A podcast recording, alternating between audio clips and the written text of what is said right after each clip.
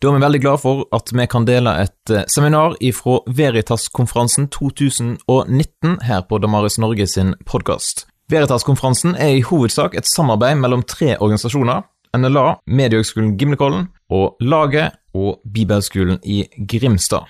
Og Vil du vite mer om Veritas-konferansen, så går du til veritaskonferansen.no. Her kommer dagens seminar. Amen. Ok. Er vi klare for tre intense kvarter? Ok. Dere er våkne fortsatt? Det er, det er dager, dette. da. Så mye program. Mye bra program. Takk for dere har valgt å, å komme på dette seminaret. Og um, Det er klart det er, en, det er, en, overskrift og en tematikk her som er ganske både, både intens og eksplosiv og um, ja, ganske het, da. Fordi, altså, spørsmålet er, da, når jeg på en måte jobber med Damaris uh, og uh, på en måte, hva, hva, skal vi snakke om? Og jeg, jeg, heter jo Alexis, jeg jobber i Tro og Medier, og vi er jo på en måte i ferd med å bli heleiere av Damaris Norge og jobber tett med en del av dette miljøet. Så når vi lager en sånn overskrift, har vi en bedre fortelling? Ja, vi har det. Bare la oss sette det med en gang. Vi har en mye bedre fortelling. Og så Mange sier at Bibelens seksualmoral er som er avleggs, livsforneklende og ulevelig. Ok, Vi skal prøve å lande de tingene. Um, men hva er egentlig Bibelens fortelling om seksualiteten? Altså, hva er den? Blir den fortalt i det hele og det fulle? I lengde og bredde, i høyde og i dybde? Og jeg tror nei. Den blir ikke det. Fordi at om den hadde blitt det, så hadde verden vår sett annerledes ut. Seksualiteten i samfunnet vårt hadde sett annerledes ut. Så jeg skal prøve å gjøre et lite dypdykk i dette. Men det er klart, vi må jo på en måte se da, at uh, har vi en bedre fortelling enn alternativene som tilbys i kulturen. Og hva er alternativene? Vi skal pløye ganske kjapt gjennom alternativene.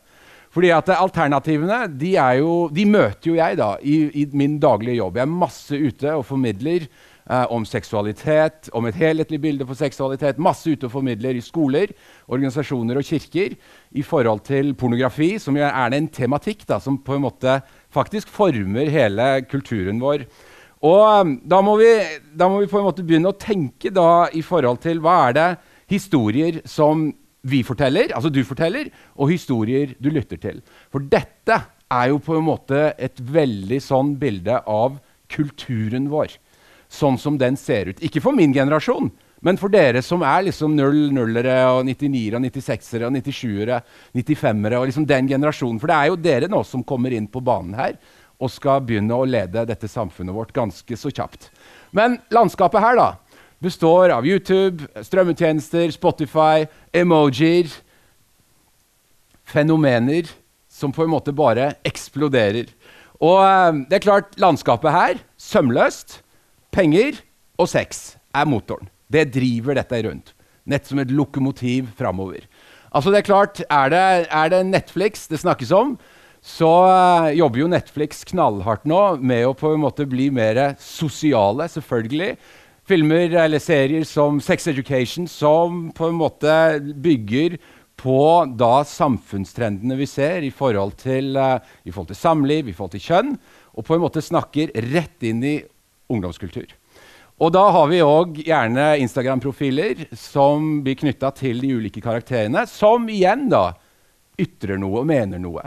Og det som skjer da, det er jo at De unge brukerne, altså de unge menneskene som vokser opp i dag, opplever en én-til-én-kontakt. Og Det er på en måte den kulturen som tilbys. Og det er kraftig påvirkning. Så mitt ansvar da, som um, leder, som far, som rollemodell, som voksen, som mann, ja, det er jo å begynne med meg. De nære relasjonene. Så det gjør jo jeg f.eks. sånn som dette. Her, altså, her er meg, her er Ruben. Ruben 17 år. Vi sitter på en plattform og prater om porno og salen er full i mannfolk. Hvordan kan jeg som voksen og som far utruste han til å ta gode valg i forhold til å få gode holdninger, verdier, i forhold til jenter og seksualitet og sitt eget liv? Det er mitt ansvar, og det er jeg veldig innstilt på å ta. Jeg ønsker ikke at YouTube eller Netflix eller Modern Family skal oppdra han. Og Det er klart, det er her vi starter. i forhold til å formidle en bedre historie. Vi kan snakke om ting der ute Vi kan snakke om ting der ute som er utrolig vanskelig å håndtere. Vi kan snakke om porno og alle disse vanskelige tingene. Men vi må dra det inn i vårt eget liv, og vi må dra det inn i vår setting. Og Det gjelder jo hjemme hos oss, i kirkene våre, i miljøene våre, i idrettslagene våre osv. Altså jeg er inne på skoler, vanlige offentlige skoler, som sier til meg vi har en fjerdeklassing som vi ikke kan slippe ut fordi at språket er så ekstremt, og den seksualiserte atferden er så forma av porno. Så det er klart, det å tenke at vi har en historie som er verdt å kjempe for, det har vi. Og dette er jo sånn vi jobber i Tro og Medier. Vi ytrer, vi mener, vi skriver, vi leser. Vi um, responderer på ting som kommer i mediene. Dette er en respons av, fra sjefen min, Jarle Haugland, som responderte på Aftenposten sin sexspesial som gikk som en triade i sommer, som målte norske borgere sitt sexliv. Og han stiller jo spørsmålet er sex bare nytelse på nivå med et godt måltid. Nei, det er ikke det. Sex er noe mye mer, og det veit vi. Fordi at det, det som er oppmuntrende da, for oss som tror, det er jo at det, jo mer vi leser sex spesial eller sex education eller oppløsning av normer, oppløsning av samliv, jo mer frimodig kan vi bli på troen vår. Fordi vi veit hva er godt for mennesket. Det har vi kunnskap om. Lange, stabile, trygge relasjoner. Det er bra for mennesket. Uansett hva du tror, så er det bra for mennesket. Det forteller FNs levekårsundersøkelser oss. At det er godt for oss. Vet du hva? Det passer fantastisk godt sammen med det jeg tror. Og derfor, jo mer jeg leser, jo mørkere det blir, jo mer frimodig blir jeg i forhold til troen min og historien som jeg faktisk har å fortelle. Og det er klart, denne type ideologi da, som er i ferd med å bre om seg, som handler om uh, oppløsning av alt vi kjenner til, som faktisk er bra for mennesket, det må vi si noe om. Det må vi ytre noe om. Både i forhold til troen vår, men òg i forhold til hvordan ønsker vi at samfunnet vårt skal se ut. Og hvilke historier skal vi formidle til de som kommer bak oss? Og Da kan vi på en måte ta liksom sånne raske gjennomblikk over lovlegg. F.eks. her, kjære Gunhild, som uh, hiver ut en tekstmelding. 'Hei, Ivar, jeg har lyst til å finne noen jeg kan ha sex med uten at det trenger å bety noe mer.' 'Syns du er kul, så tenkte bare jeg skulle spørre. Hva tenker du om det?' 'Wow, ok, ja, det kan vi', sier jo Ivar. Ikke sant? Men uh, kjære Gunhild, da, som er 16 år og er blitt lovlegg per norsk lov. Kjære Gunhild, er det ingen som har fortalt deg at det betyr noe mer? Det er noe dypere, det er noe større, det er noe mer omfattende enn å bare ha sex. Fordi Vi er veldig opptatt av å prate om sex, men intimitet ja, det sliter vi veldig med å prate om, og det skal vi prate om når vi skal begynne på den gode historien. Men det er klart det blir jo god, god underholdning av dette. da. Når vi på en måte røsker folk og på en måte drar følelseslivet til mennesker i fillebiter. Altså, Det blir det god underholdning av. Når vi på en måte henter opp historier fra fortiden til mennesker, blander det inn med en utagerende seksuell atferd, putter inn litt rus, og alt vi veit, er dårlig for oss mennesker. Er det dette som på en måte er historien vi ønsker å gi videre til den kommende generasjonen som er bak oss? Og så har vi på en måte porno, som styrer mye av dette. Porno som på en måte påvirker samfunnet vårt, hjernen vår, hjertet vårt og gudsrelasjonen vår. Og det er klart Vi kan bytte om på disse element, elementene i stor grad. Vi kan snakke mye om det ene elementet og det andre elementet. Nå er vi litt på samfunnsperspektivet. Og Da syns jeg det er fantastisk at Birgitte Wiste sitter her, for jeg har en slide som hun har vært med å på en måte utforme i forhold til pornografi, en folkehelsetrussel i blindsonen. For det, det er det vi snakker om. Det er det vi på en måte snakker om i det store og det breie bildet i forhold til at hei, nå må vi stoppe opp litt her og tenke hva er det som skjer i samfunnet vårt, og hvordan formes holdninger og verdier inn i dette sømløse landskapet, som f.eks. gaming, da, hvor Pool mora di er et av de absolutt slenguttrykkene som brukes i dette. Og dette kan vi gå inn og lese i rapporter som utgis av Barneombudet. Og det er klart, Her må vi skyte rett fra hofta og rett inn i blinken når vi på en måte skal snakke om hvilke type verdier og holdninger som spres gjennom pornografi. Som jo er en oppskrift på voldtekt. Det er det vi snakker om. Og det er klart, når vi sier at, um, at overgrep, seksualisert vold, incest, tvang og smerte er dette landskapet, det er historien som formidles. Og det er klart, Dere hadde jo blitt sjokkerte hvis dere hadde vært med meg ut i 4. klasse, som jeg ofte er, og prater om porno. Det er utrolig utfordrende å snakke til omtrent så høye mennesker om noe som ikke hører hjemme noe plass i den generasjonen. Det er vondt, det. Som far, som medmenneske, som leder, som rollemodell. Altså, det er veldig utfordrende. Men vi må være klar over at det er det som formidles.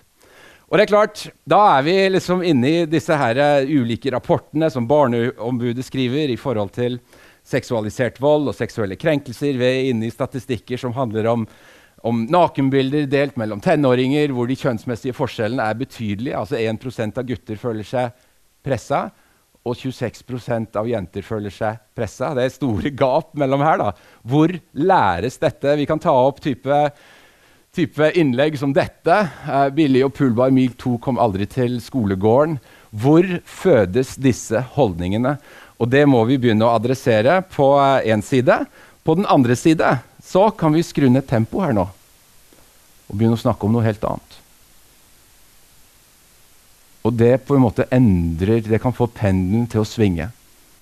Fordi at det å forholde seg til verden som den er, det trenger vi å gjøre. Altså Jeg trenger å sitte med ungdommer og se hva de spiller, og hva som skjer i, i spillforumet, og hva som ser, skjer i chatten. Og det incestprega slengspråket som på en måte brukes. Men så trenger vi å komme inn på den andre sida og begynne å snakke om den bedre historien. For hva er det? Blir den fortalt ofte nok? Og kan vi den bedre historien? Altså, kjenner vi til den? Det er, uh, det er, to elementer som på en måte går veldig igjen. da. Kjærlighet og trofasthet. Det òg veit vi er bra for mennesket. Altså Et barn som ikke opplever kjærlighet tidlig i livet, har en enorm høy grad risiko i forhold til å få veldig store problemer i livet. I forhold til tilknytning, i forhold til atferd. Dette, dette, er det solide, lange studier på. Trofasthet. Det responderer vi mennesker veldig godt på. Det er viktig for oss. Det å oppleve trofasthet er viktig for oss. Hør her. Dette kommer fra den gode historien. Dette kommer fra kjernen, ifra skapelsen. Dette er livsgivende ord som går som en rød tråd gjennom Bibelen. Vi må skjønne begrepet kjærlighet. Hva er det? Hvordan funker det? Og det er klart, Da kan vi f.eks. gå til Korint. Vi kan gå hit. da. Her har vi et landskap. ikke sant? Det er et gaminglandskap. Det er Assassin's Creed. Det er et meget voldelig spill. Vi, er, eh, vi har Apollo-tempelet i bakgrunnen. Det er jo et horehus. Det, det, er det det er. Eh, det er et bordell. I denne byen ble det planta en kirke av Paulus. Blir, han reiser videre. Han blir jo på en måte forfulgt videre. Han sitter nede i Efesus, og så hører han et rykte om at hei, kirken oppe i, Efesus, oppe i Korint de sliter nå. Der er det incest. Der drikker de seg fulle under nadverden. De ligger med prostituerte. Vi snakker om en kirke. Så Det er ikke noe nytt dette at vi har utfordringer i samfunnet vårt. Det er, det er ingen nyhet. Det er bare hvordan håndterer vi det. Han velger med å starte. Han starter med å bekrefte hvem de er. Det er viktig. Dere Guds hellige, dere Guds utvalgte. Alle brevene til Paulus starter med en bekreftelse av identitet. Der starter det. Det er guddommelig. Det er et prinsipp. Han går videre og snakker om en kjærlighet som er tålmodig. Den kan vente. Kjærlighet kan vente.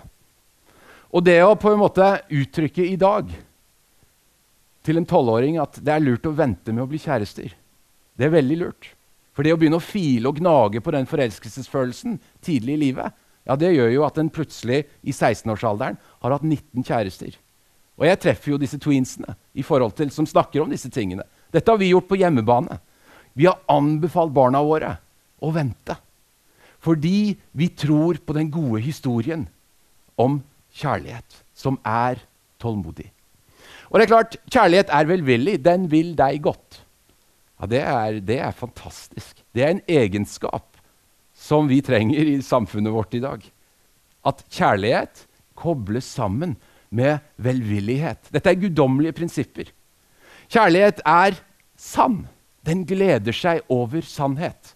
I mitt liv, i mine valg, på min skjerm, må jeg leve i sannhet. Jeg jobber med noe av det mest potente som er i forhold til hva jeg er som mann. Sex og porno. Jeg må leve i sannhet ovenfor min livslange forpliktelse, som heter Elisabeth. Det, det, er et must. Men det er kjærlighet. Det er ikke skyld, det er ikke skam, men det er kjærlighet som på en måte er motoren. Kjærlighet utholder alt. Kjærlighet tåler en trøkk. Det er fantastisk at det ligger i egenskapen. Kjærlighet tror og håper alt. Og Det er klart, det betyr jo ikke da at vi skal gå rundt på en rosa sky av fluff som kristne. Vi må forholde oss til samlivsbrudd, vi må forholde oss til relasjoner som går i oppløsning. Og jeg vet jo Når jeg er ute og har, har seminarer og taler, så sitter det mennesker som har veldig vanskelige opplevelser i forhold til alle disse tingene. Men det skal ikke ta ut egenskapene av den gudgitte kjærligheten som Gud ønsker for oss. Og det er den gode historien. Og det er klart, Vi kunne gått videre i forhold til hva kjærlighet ikke er, for han er ganske tydelig på det også, men vi hopper galant over det og går rett uh, inn på disse to her. da. Um, Adam og Eva, eller mannen og kvinnen. Ja, eller faktisk Kristus og bruden. Da utvider perspektivet. Da, da åpner vi opp rommet i forhold til Oi, her kan vi fortelle en helt utrolig historie. Fordi at uh, denne her, da som består av 66 bøker, som er satt sammen til Bibelen, Guds ord. Den starter ut med en mann og med en kvinne i skapelsen. Og det er fascinerende å se hva Gud legger i denne mannen til å begynne med. Jo, han legger jo en lengsel. Fordi at etter Adam har uh, gitt navn til herr og fru skilpadde, herr og fru sjiraff, så oppstår det en lengsel i denne mannen. Og Gud uttrykker det er ikke godt for mannen å være aleine. Og Adam er skapt i Guds bilde. Og Eva hun blir jo da bygget ut ifra et ribbein. Vi skal ikke gå inn i hele skapelsesgreien. Det sikkert, sitter sikkert eksperter her på dette. Men uh, Vi går ikke inn i hele skapelsesgreia. Men uh, det er noen prinsipper her. da, At denne kvinnen blir bygget. Denne kvinnen, som jo er et bilde på først et folk, så en kirke, så en brud, blir bygget. Altså denne kjærlighetshistorien henger så fantastisk sammen i forhold til hvordan da disse to menneskene, som var nakne, Adam og hans hustru, men de skammet seg ikke. Så da må vi tenke OK. Mann, kvinne, det er, det er premisset. Det er premisset i denne gode historien. Og så kan vi velge å forholde oss til det eller ikke. Rammen rundt dette premisset, det er jo ekteskapet. Der er denne historien ment å leves ut. Og nå, vi, nå, nærmer vi oss dette som handler om intimitet. Nå nærmer vi oss det. Og det er klart, når disse to menneskene her, da, som var nakne, og som hadde en velsignelse over livet sitt, og som levde i en forpliktelse overfor hverandre, som gjorde at mannen ble bundet til kvinnen. Og de barna som da ble født, var et felles ansvar.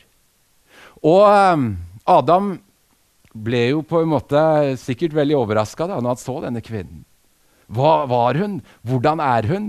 Hun er min likeverdige medhjelper. Det var ingen konflikt mellom mannen og kvinnen i denne historien.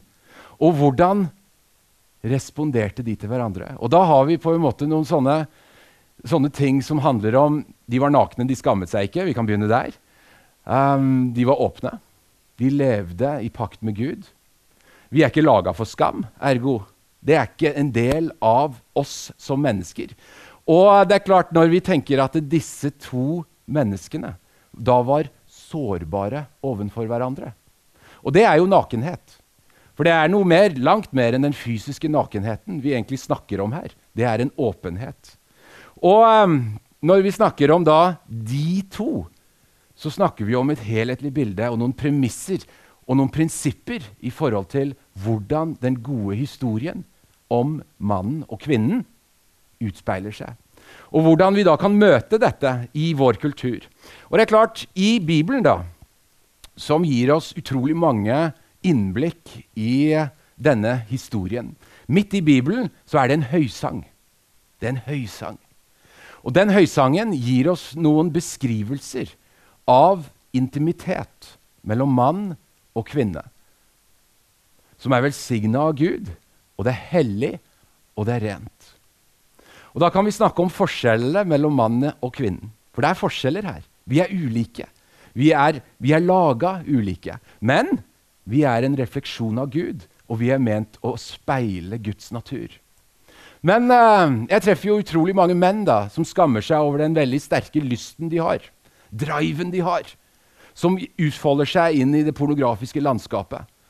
Det er så utrolig vanskelig å styre disse lystene fordi at det er så utrolig sterkt. Men uh, hva er disse lystene? Hvordan kan vi på en måte vri det over i en setting som faktisk blir hellig da, og gudgitt? Og Det er jo kanskje noe av det mest spennende jeg gjør da, i jobben min. Det er jo når jeg kan begynne å formidle denne historien. Men jeg må bruke ganske lang tid da, før jeg kan begynne på det. Men hør her. Vi skal ta noen få eksempler. Her har vi da en mann som uh, er en brudgom. Han har gjort en forpliktelse. Han har bundet seg til en kvinne. Og så starter han. Gutter, hør godt etter. For dette er, dette er briljant. Han karen her, han vet hva han holder på med. Hvor fager du er, min kjære, hvor fager du er. Ok, Han bekrefter kvinnen to ganger. Gud skaper. Hva gjør Gud når han skaper? Han bekrefter to ganger. Gud så at det var godt. Gud så det var overmåte godt. To ganger. Behovet for bekreftelse er lagt ned i denne kvinnen. Hun trenger å bli bekreftet. Jeg har levd med en kvinne i 28 år og veit mye om det. Jeg veit det. Hun trenger det. Hun trenger å bli sett. Så går han videre og går på øynene hennes. Dine øyne er duer bak ditt slør. Øynene er inngangen her. Øyekontakten. Det som skjer mellom disse to menneskene når de ser hverandre i øynene. Det er guddommelige prinsipper vi snakker om. Dyr ser hverandre i ryggen når de skal ha sex eller formere seg. Mennesker har en helt annen mulighet til å se hverandre rett i øynene. Rett inn i sjela vår, i følelsene våre, kroppsspråket vårt. Og denne mannen han er ikke usikker på om han strekker til eller ikke, om han holder mål eller ikke. Han har ikke fylt på en måte tankene sine med porno. Om han er for stor eller for liten, eller hva det er. Vi snakker om noe her som er hellig noe som er gudgitt. Ditt hår er som en jord av geiter som leirer seg nedover Gideadfjellet. Han bekrefter hele ansiktet hennes, hele hodet hennes.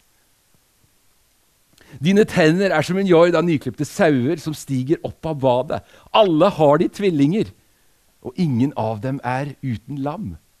Det er helt utrolig hvordan dette beskrives, og hvordan han på en måte har bare kommet til hodet hennes vi skal jobbe oss ned, så bare hold dere fast. Han har bare kommet til hodet hennes. Og hun nyter å bli sett på. Dette er en god historie. Dette er noe helt annet enn det kulturen vår kan gi. Fordi at eh, det står jo på en måte en annen plass, litt lenger framme i høysangen, så står det mannen uttrykker sin lyst. Han sier La meg se din skikkelse, la meg høre din røst. For din røst er blid, og din skikkelse er fager. Han nyter å se på henne. Hør her, da, gutter. Vi er laga sånn. Men det gjelder å sette det inn i den rette konteksten. Og Det er jo det ofte jeg får spørsmål om ifra, ifra menn når jeg er i samtaler. Går denne enorme lysten vekk? Denne driven? Dette som driver meg inn i da mørket? Og min respons er jeg håper for all del ikke den går vekk. Men jeg håper at du klarer å plassere den der den hører hjemme. Og hør her, den hører hjemme her. For her er den utførlig beskrevet. Dine lepper er som en skarlagensnor, og din munn er yndig. Det er heftig språk, dette. Altså, Han beskriver leppene og munnen som yndig. I ordet 'yndig' så ligger det ganske mye i forhold til hva som blir sagt, hva som blir ledd av, hva som blir uttalt. Som et stykke granateple er din tinning bak ditt slør. Det er et eller annet her som han er så spent på. Det er noe som er, Dere smiler så bredt nå, hele gjengen. Det er noe som er bak sløret, som han lurer på. Hva er det som er bak her? Og han er frimodig, og hun er trygg. Din hals er som Davids tårn. Ok, det sier noe om henne. Hun står oppreist. Hun er ikke kuet. Hun er ikke undertrykket. Hun er frimodig. Hun vet at hun er bra. Hun er sikker på at hun kan tilfredsstille denne mannen. Som hun da har et intimt forhold til. Dine bryster er som tvillinger av en gasell som beiter mellom liljene. Altså At det velges å bruke sånne ord som dette. Altså, Hva er gaseller som beiter mellom linjene, liljene? Jo, det er dyr man skal være yderst varsomme hvis man skal nærme seg. Hvis ikke så er de vekke. Da forsvinner de. Det er så fantastisk å lese disse tingene og fortelle disse historiene. Og at det kommer ut av Guds ord. Og det er klart, når jeg har bare menn Jeg hadde en stor gruppe menn bare i dag. Og vi snakker om disse tingene, og vi snakker om seksualitet. Og det sitter skam i forhold til hva vi er. Så handler det jo om da, hvordan skal vi plassere dette? En hellig plass. Hvordan skal vi plassere den hellige plass? Og så går han videre. Når dagen blir sval og skyggene flyr, vil jeg gå til Myrraåsen. Vi skal ikke gå der. Men denne karen han jobber seg nedover denne kvinnen. Og han er veldig frimodig. Og hun er trygg på at hun blir ivaretatt. For det er et element med henne. da, At hun faktisk trenger å oppleve trygghet. Og det, det er liksom, Av og til så er det som å trø inn i et landskap som er så utrolig krasj med den kulturen som vi har i dag.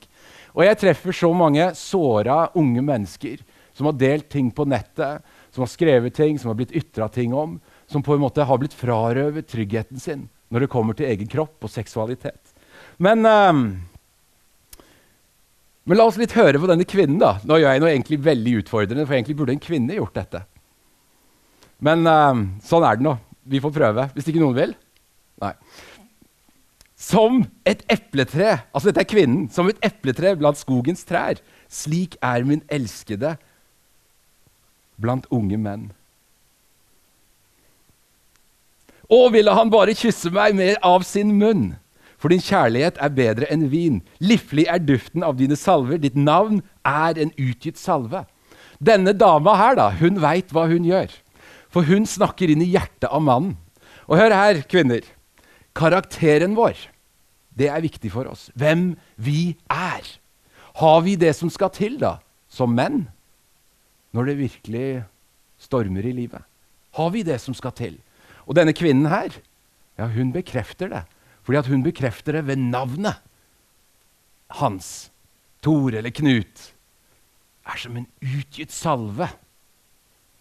Og det er klart, denne historien her da, Jeg vet ikke om dere har hørt den fortalt før. Men det er den historien vi må være frimodige om. Som vi trenger å snakke om og formidle. La oss ta litt mer fra kvinnen, da. Å sitte i hans skygge er min lyst. Hun liker å sitte i hans skygge. Hun nyter det.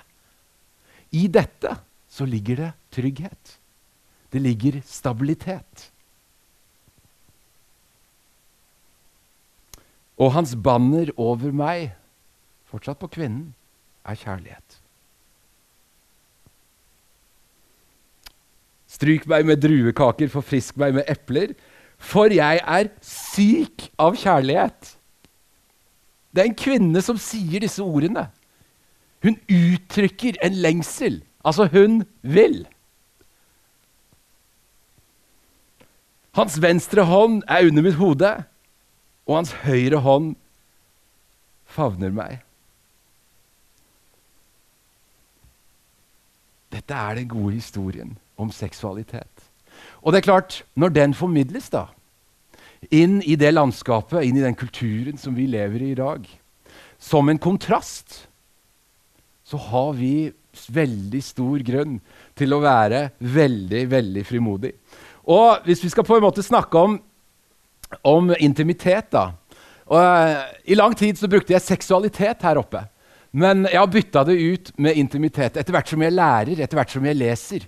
Fordi at mitt hode, altså min hjerne, mitt DNA Jeg som mann er så fiksert på seksualitet og sex. Men uh, et langt liv, mye læring, mye feiling, mye lesing, veit jo inderlig godt da, at seksualitet og sex i en trygg, lang, stabil relasjon ja, den begynner jo ikke på soverommet, den begynner jo ved å ta ut av oppvaskmaskinen, fylle bi bilen med diesel. Da snakker vi om noe helt annet da, i forhold til hvordan vi som mann og kvinne er ulike. Hvordan tenningsmønsteret er ulikt. Hvordan vi responderer på ulike ting. Og det er klart, Dette trenger vi å prate om. Fordi at Når jeg hiver ut sånne kommentarer som det da, for eksempel, i en mannsgruppe, så blir det brøllatter. Uh, og Jeg så flere sånne nikkende blikk i dette rommet, og jeg kjenner det så utrolig godt igjen. Og dette er et helt menneske. Dette er et helt konsept som vi på en måte snakker om. Og da snakker vi om ånd, sjel og legeme slik som Gud har ment at vi skal leve livene våre. Som hele mennesker. Og da er det jo på en måte litt sånn da, at uh, vår seksualitet, som uh, Gud har skapt, jo, den falt sammen med alt annet. Den, den kollapsa sammen med alt annet. Når synd kom inn og forderva tankene våre. Begjær og lyst ble noe helt annet. Fantasier ble noe helt annet. Men utgangspunktet til Gud er jo at han er god. Altså, han vil oss godt. Og det på en måte husker vi jo tilbake igjen til egenskapene i forhold til kjærlighet. Kjærlighet er velvillig. Altså, den vil oss godt. Kjærlighet lever i sannhet. Mitt gode råd til alle familier som bor under ett tak ha 100% åpenhet på nettet. Ha koder på telefoner som er like. Ha inngang på alle dataene. 100% sannhet. Vi snakker om ganske radikale valg her i forhold til hvordan sette et vern og et skjold om livet sitt i forhold til fristelse, i forhold til begjær og i forhold til alle de tingene som skaper skam og skyld. Og skam er en opplevelse av uverdighet. Det er på en måte Finn Skårderud sin definisjon på skam, som jeg syns er veldig god. Han er psykiater. En opplevelse av uverdighet. Og det er klart, Når jeg leser den, det kristne budskapet, da, så leser jeg jeg er verdig. Jeg er ikke uverdig. Jeg er 100 verdig. Og um, derfor så krasjer det der. Og det er klart skam Jo, anonymitet er jo på en måte en følge av skam. Avvisning, altså en forventning om avvisning, ja, det er jo òg en følge av skam. Men vi er jo laga for noe annet. Så hvordan kan vi på en måte leve noe annet? Hvordan kan vi i livene våre, som går opp og ned De gjør det. Relasjonene våre går opp og ned. Ekteskapene våre går opp og ned. Men hvordan kan da vi som troende leve ut livet vårt i denne type relasjoner. Nå har jeg brukt noen andre bibeltekster her, bare for å gi dere enda mer. Og språket her er så nydelig. Det er så, det er så på en måte erotisk lada. Men så kan vi snu rundt på dette, da. Når jeg har veldig god tid, så ender jeg jo opp med å snakke om Kristus og bruden. Den int intimiteten. Og det er klart, Dette handler jo om den røde tråden, om den gode historien. Og jeg har veldig gode nyheter til dere. da. Vi er ment å leve oppi denne historien. Og Guds nåde over livene våre gir oss den muligheten. Og det er på en måte der historien virkelig sementerer seg i vår kultur, i vårt samfunn og inn i privatlivet vårt. Jesus Kristus, altså Gud som menneske, han oppsøkte aktivt mennesker som levde i konflikt med den gode historien knyttet til seksualitet. Kvinnen med brønnen, glimrende eksempel. Johannes 4, kanskje et enda bedre eksempel. Nei, det er eh, kvinnen som ble grepet i hor. Og det er klart, Alle disse her historiene, og vi kan kunne plukket mange historier, men hvordan da Jesus velger å gå omvei og treffe da en kvinne som eh, har en avhengighet, som er preget av kulturen, som er preget av konflikten mellom kvinne og mann. Og der var, nok, eh, der var nok ordet samtykke ikke et ord som var løfta opp. Men her har vi en kvinne da, som er så full i skyld og skam og fornedrelse. Men Gud som menneske velger ut henne for å presentere seg selv da, som levende vann. Og sette henne i frihet. Og da har vi et moment da, i troen vår som gir oss en, og burde gi oss en enda større frimodighet.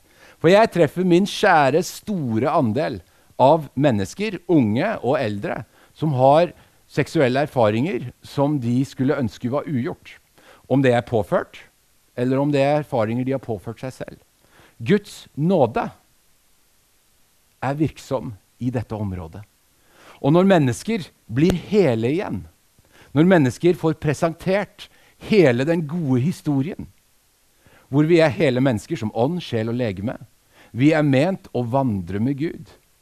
Vår hensikt er å leve uten skam på disse områdene, men med en visshet at vi har disse kreftene i oss, som vi jo nettopp har lest om, både fra mannen og kvinnen, våre ulike behov i forhold til å bli sett og bli bekreftet, oppleve oss elsket, og de fysiske behovene som er knytta inn mot seksualitet. Og den gode historien som formidler trofasthet, kjærlighet, rammer rundt dette, som heter ekteskap, ja, det er det jeg tror, og har valgt å tro, er det beste for mennesket. Det er det jeg har etter beste evne prøvd å gi videre til mine barn. Det er hva jeg etter beste evne prøver å formidle til de som lytter til meg. Med en god historie i forhold til seksualitet og i forhold til et annet alternativ å velge å leve livet sitt. Da har vi fem minutter. Hvis det er noe innspill eller noen kommentarer, vær så god.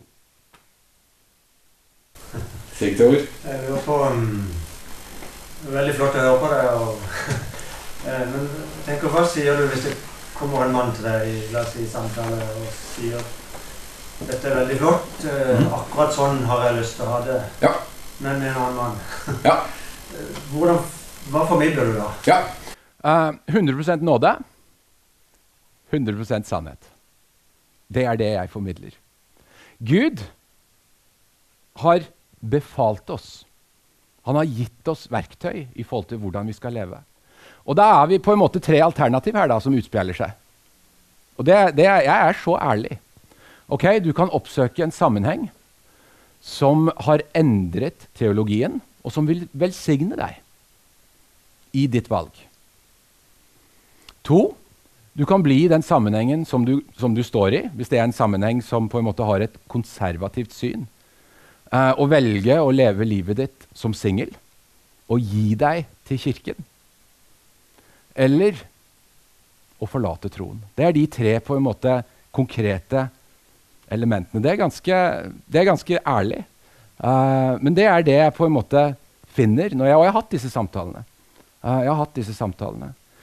Og um, jeg har sett både mange som velger å leve som single. Og ta det valget. Og stå i den smerten. Og tro er ikke en garanti for å leve uten smerte for noen av oss.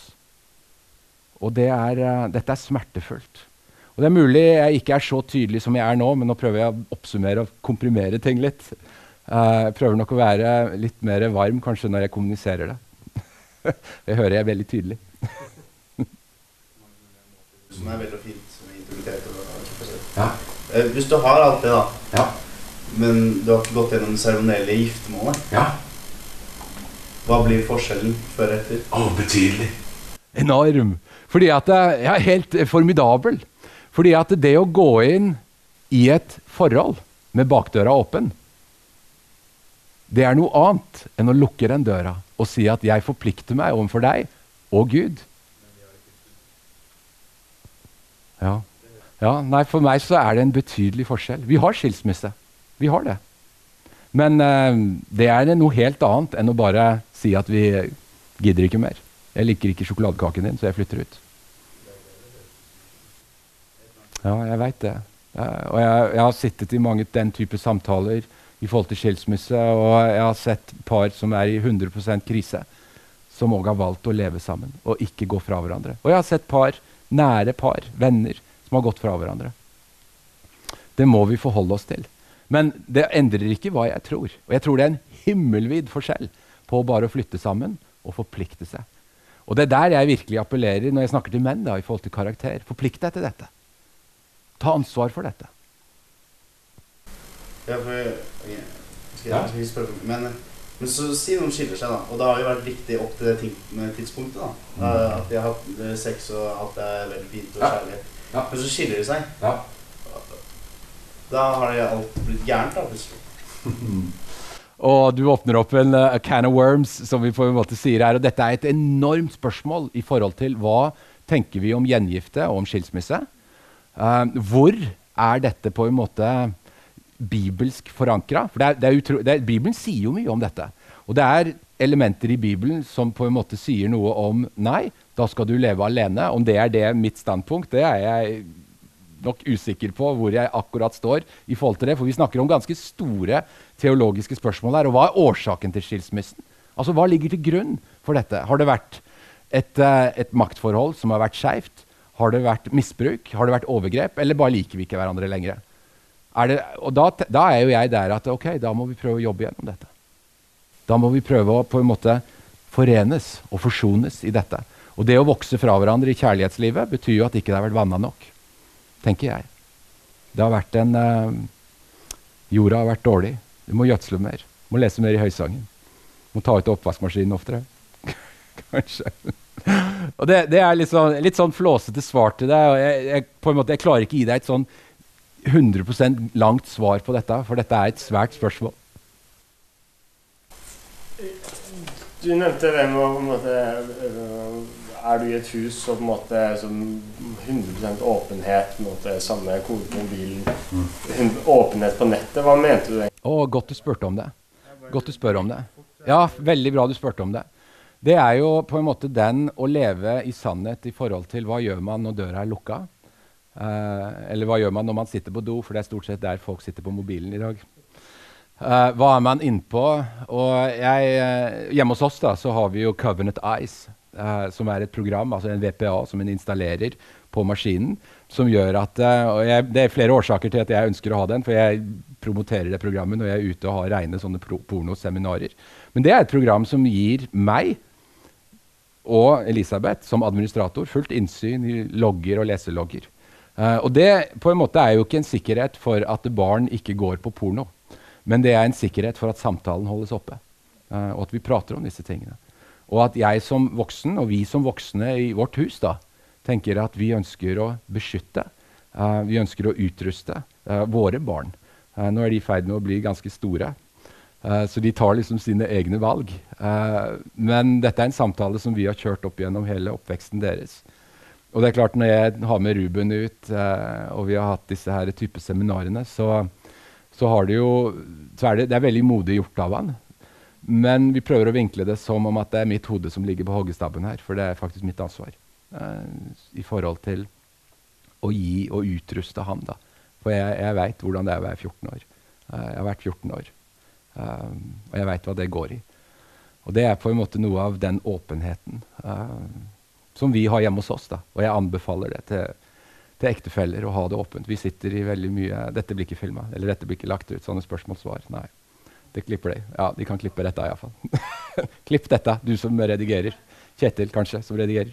Men uh, i alle fall, uh, altså, vi sitter jo i samtaler gjerne med ektepar hvor jeg bare popper spørsmålet. Uh, bruker du porno? Er det en del av greia her? Og det er svært sjelden at det blir benekta. Jeg har til gode det, faktisk. Ja, det er en del av problemet. det er en del av problemet. Det, derfor tydeligheten min. Kan ikke man gi seg helt til kirka om man er gift? Ja, oh, kjempegodt! Jo, selvfølgelig. Man kan gi seg 100% til kirken som gift. Um, en vanlig uke hos oss er mye kirketid. og jo, man kan det. Selvfølgelig kan man gi seg 100 til kirka om man, uh, om man, er gift. Men for mange, og det er klart, jeg, jeg føler ofte at vi underkommuniserer uh, singellivet, og på en måte er, at det er noe mindreverdig. Det er det ikke. Det er ikke noe mindreverdig.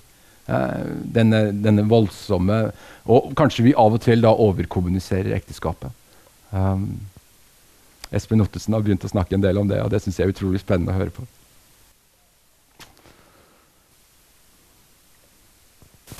Um, hvilke spørsmål kan Eller sånn som når du er ute og snakker med ungdom, da. Hvilke spørsmål eh, er lurt å stille for å få måte, folk til å eh, innrømme at de lengter etter det som vi har å tilby? Mm. Gir det mening? Kjempegodt. Hvilke spørsmål ja. stiller man da, istedenfor å bare legge ut om det man selv tror er riktig? Ja. Jeg tror, sånn som det jeg gjorde noe her, eh, å prøve å formidle noe som kan virke mer forlokkende, Eh, og særlig dette med, med respekt eh, og karakter og bekreftelse. Uh, altså disse elementene som vi på en måte søker etter, uansett hva vi, hva vi tror i forhold til å opp, oppleve oss sett og bekrefta og elska. og det er kanskje noen av spørsmålene. Hvor opplever du at du virkelig blir sett, og hvor opplever du ensomhet? Porno er veldig ensomt. Det er en veldig ensom plass, for det, det bedriver man alene. Uh, Pga. anonymiteten og skammen.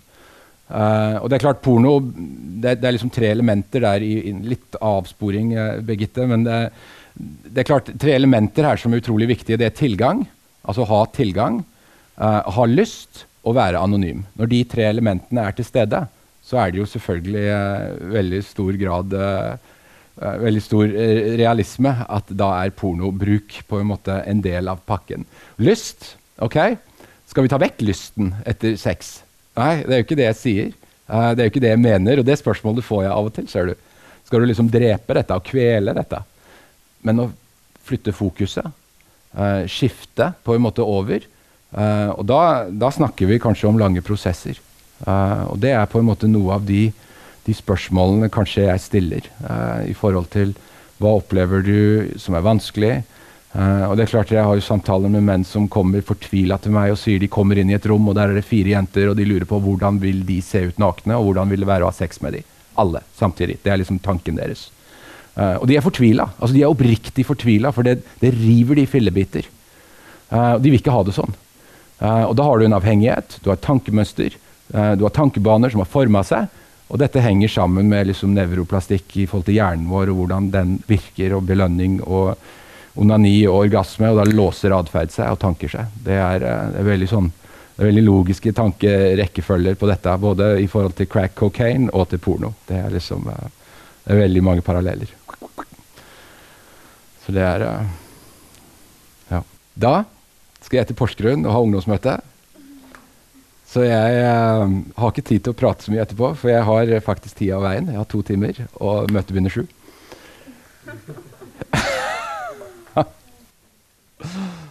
Tusen takk. Takk for at du lytter gjennom dette seminaret her. Og Skulle du ønske at flere fikk med seg det gode innholdet, ja, da kan du jo faktisk dele seminaret med noen, eller tipse dem om seminaret i sosiale medier. Vi setter jo veldig stor pris på om du har lyst til å skrive en anmeldelse av Damaris Norge sin podkast på de ulike podkastplattformene. Da hjelper det oss å løfte podkasten opp, sånn at flere får nytte av den. Jeg vil også nevne at eh, du kan ha mulighet for å kjøpe diverse bøker via nettsida snakkomtro.no, der flere av de som eh, var med på Veritas-konferansen, har sine bøker tilgjengelig der. Så sjekk ut Snakk om tro, og kjøp gjerne ei bok eller to.